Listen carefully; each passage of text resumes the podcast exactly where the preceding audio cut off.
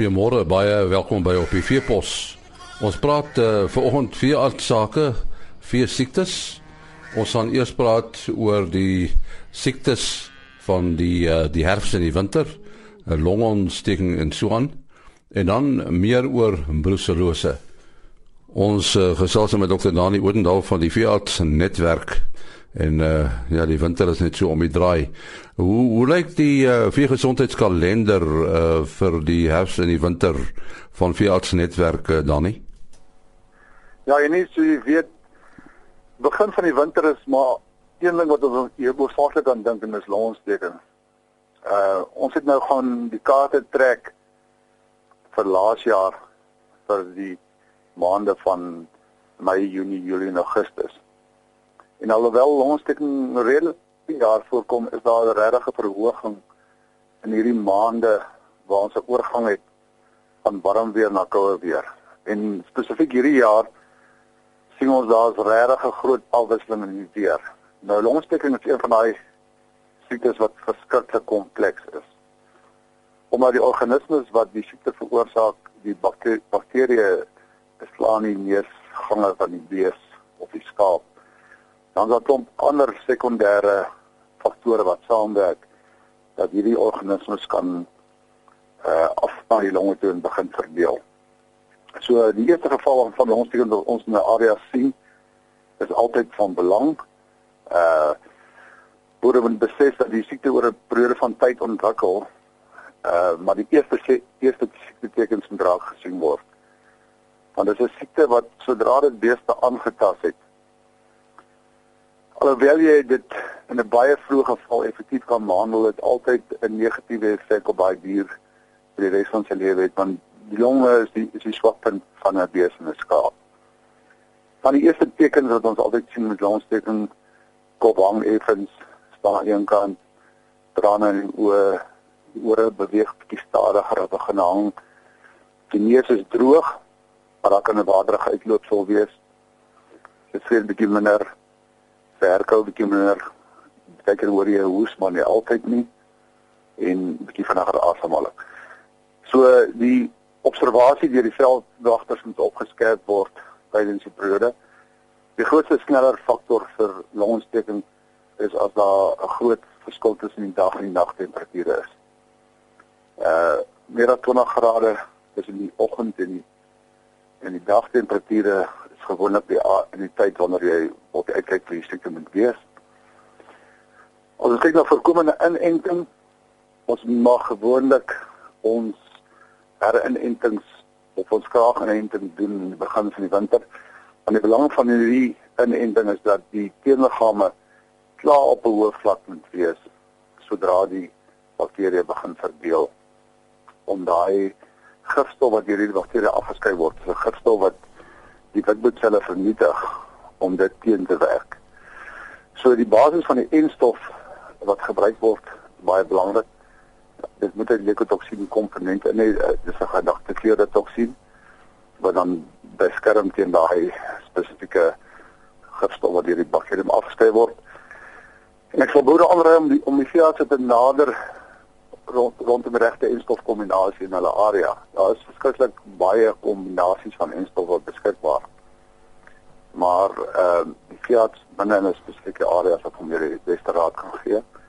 Die ander ding is moenie eh uh, dat diere vrek en word nie na dit ondersoek gedoen nie. Partykeer dink mense dis een siekte of een tipe van 'n siekte, maar dit is baie belangrik uh om hierdie siektes is gewoonlik nooit net een dier wat voorkom nie. Daar's ander diere wat ook gaan siek word. So nadoetse ondersoek van uiterste belang in baie gevalle na mortes geneem word as dit nie 'n tipiese longontsteking of 'n probleem is nie. Die verdere ding, die antibiotika wat gebruik word, gewone antibiotika wat jy oor die koop is antibiotika wat bakterieë onderdruk. Ons noem dit bakteriostaties. Dis ons tetracycline en sulfamiddels Dit beteken dat werk baie stadig.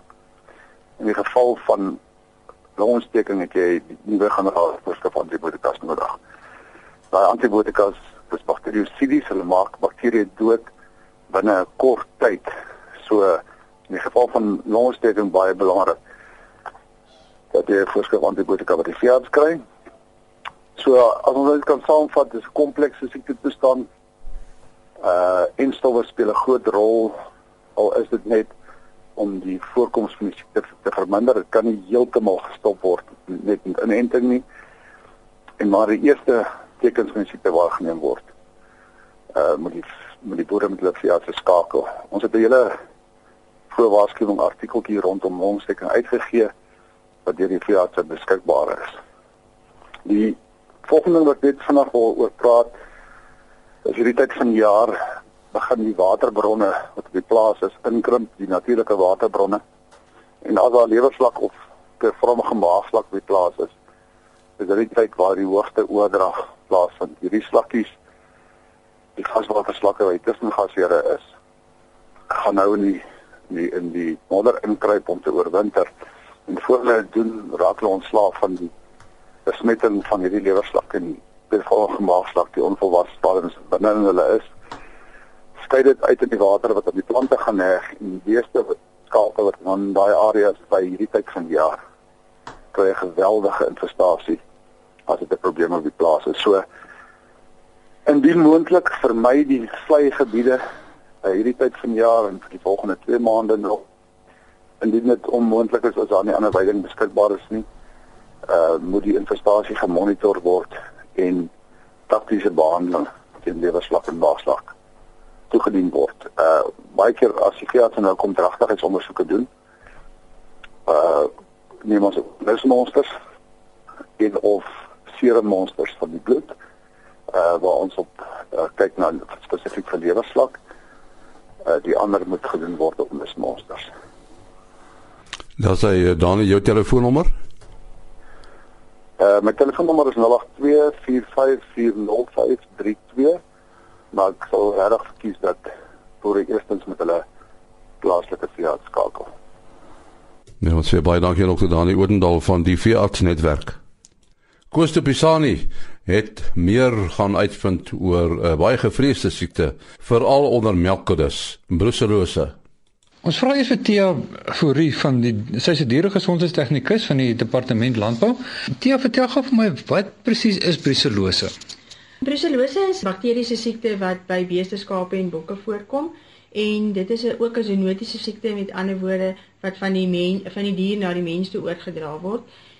Brucellose word staan ook bekend as besmetlike uh, aborsies wat die met ander woorde die koeie in hulle vroeë stadium aborteer. Uh, met ander woorde die, die hulle gooi die kalfie af. Uh, die hulle die siklus van die ehm um, die sy voltooi nie haar uh, dragtigheidssiklus nie. So uh, gewoonlik aborteer die bees die koeie van tussen uh sê so van 2 maande tot en met 4 maande. Dit het 'n uh soos ons weet is 'n ekonomiese impak met ander woorde die diere die daar kom nie kalvers aan nie. Kom wêreldwyd voor in Suid-Afrika. Wat is die uh, impak van van brucellose op op op die verbruikers? Weet jy soos ek nou gesê die impak wat dit het, het is daar is as die, die koeie aborteer daar kom nie kalvers aan nie so met ander woorde die populasie vermeerder nie en by die melkbore is eh, daai melk word afgekeur dit kan nie vir menslike gebruik gebruik word nie omdat rou melk as jy die besmet is met mislike geboorte word dit wel aan die mens oorgedra. So die mense raak siek daarvoor. En dan die siekte wat by mense voorkom is gewoonlik die maltakoors of wisselkoors. So die simptome wat dit by mense het is gewoonlik jy kry dis wisselkoors is maar wanneer jy warm en koud kry en ehm um, jy het lyfseer, so basies soos 'n griep simptome wat jy het. En dit maak ook dat jy nie eetlus het nie en dit breek die mense immuunstelsel af en Nou gesels ons ook 'n bietjie met uh, eh, Dr Gert uh, Kutse. Ehm um, hy is 'n veearts uh, van die departement. Uh, Gert, hoe lyk die situasie van brucellose in die Noordwes provinsie? Omdat mens baie tipe plase het vandag die kommunale boere en die kommersiële boere, ehm um, is daar duidelike verskil in die voorkoms van die van die siekte. Kommunale boere sal ek so skat in die omgewing van 3 tot 5% voorkoms en kommersiële plase wissel baie van streek tot streek. Ehm um, maar die gemiddelde voorkoms van die siekte binne die Noordwes provinsie is 15 tot 20%. Dis nou nogal besonder baie. Hoeveel boere behoort aan hierdie brucellose skema? Baie boere neem nie deel aan die gratis diens wat die staat verskaf nie weens ekonomiese redes daaromtrent. Stoetboere is baie noodsaaklik dat hulle deelneem daaraan want enige stoetveiling moet die beeste getoets word vir BM en die kudde moet negatief wees voordat um, so 'n kudde mag verkoop word. Dit is is regtig kommerwekkend dat nie meer boere wil deelneem aan die skema wat die staat bied nie. Um, want dit is heeltemal gratis en ons kan so die hele land se gesondheidsstatus net baie verbeter. Ehm Tiana sê vir my jy, jy weet nou elke dag met die met die mense werk. Ehm um, wat doen julle nou presies om om die situasie te verbeter om om bruselose te verminder? Weet jy gewoonlik altyd wat ons doen is ons uh, woon in die vergaderings by en ons gee 'n uh, 'n uh, 'n toespraak oor uh, brucellose en die gevare wat dit vir mens en dier inhou. En dan is daar ook uh die staat verskaf ook uh enstowwe wat vir met ander woorde wat die siekte kan voorkom soos stam 19 enstof en RB51. Stam 19 enstof is net eenmalige in, uh, inenting wat jy gee van tussen 4 en uh 6 maande of 8 maande. En dan RB51 kan geënt word van um tussen 4 en 10 maande, dan weer op 'n jaar en dan weer 2 maande voor die vers na die bul toe gaan, kan jy haar weer ent. Ehm um, stam RB51 is 'n uh, ehm um, hoekom jy nie stam 19 moet gebruik nie is want daai enstof kan as jy in 'n latere stadium die die vers ent en jy toets haar as sy klaar gekalf het kan sy 'n vals positiewe uh, toetsing ja, gee. En ehm um, met ander woorde dan wys sy sy's positief maar sy is eintlik nie. En gewoonlik het sulke diere het laat titer tellings uh, van sê van 12 tot 36 wat basies vir dag is. En ehm um, so dan is dit baie kere is dit dan om om daai toets dan te bepaal, maar is dit 'n enstof reaksie of iets sy werklik uh, is hy positief is baie duur. So die beste is dan om volgens die gebruiksaanwysings maar die die enstowwe te gebruik en dit help dan dat die die siekte dan verder versprei. Maar ek kan ook sê die enstof is nie altyd 100% effektief nie. So mens moet maar gereeld altyd toets en dan as daar positief is, is hulle dan maar liewerste dan maar verwyder en dan laat slag.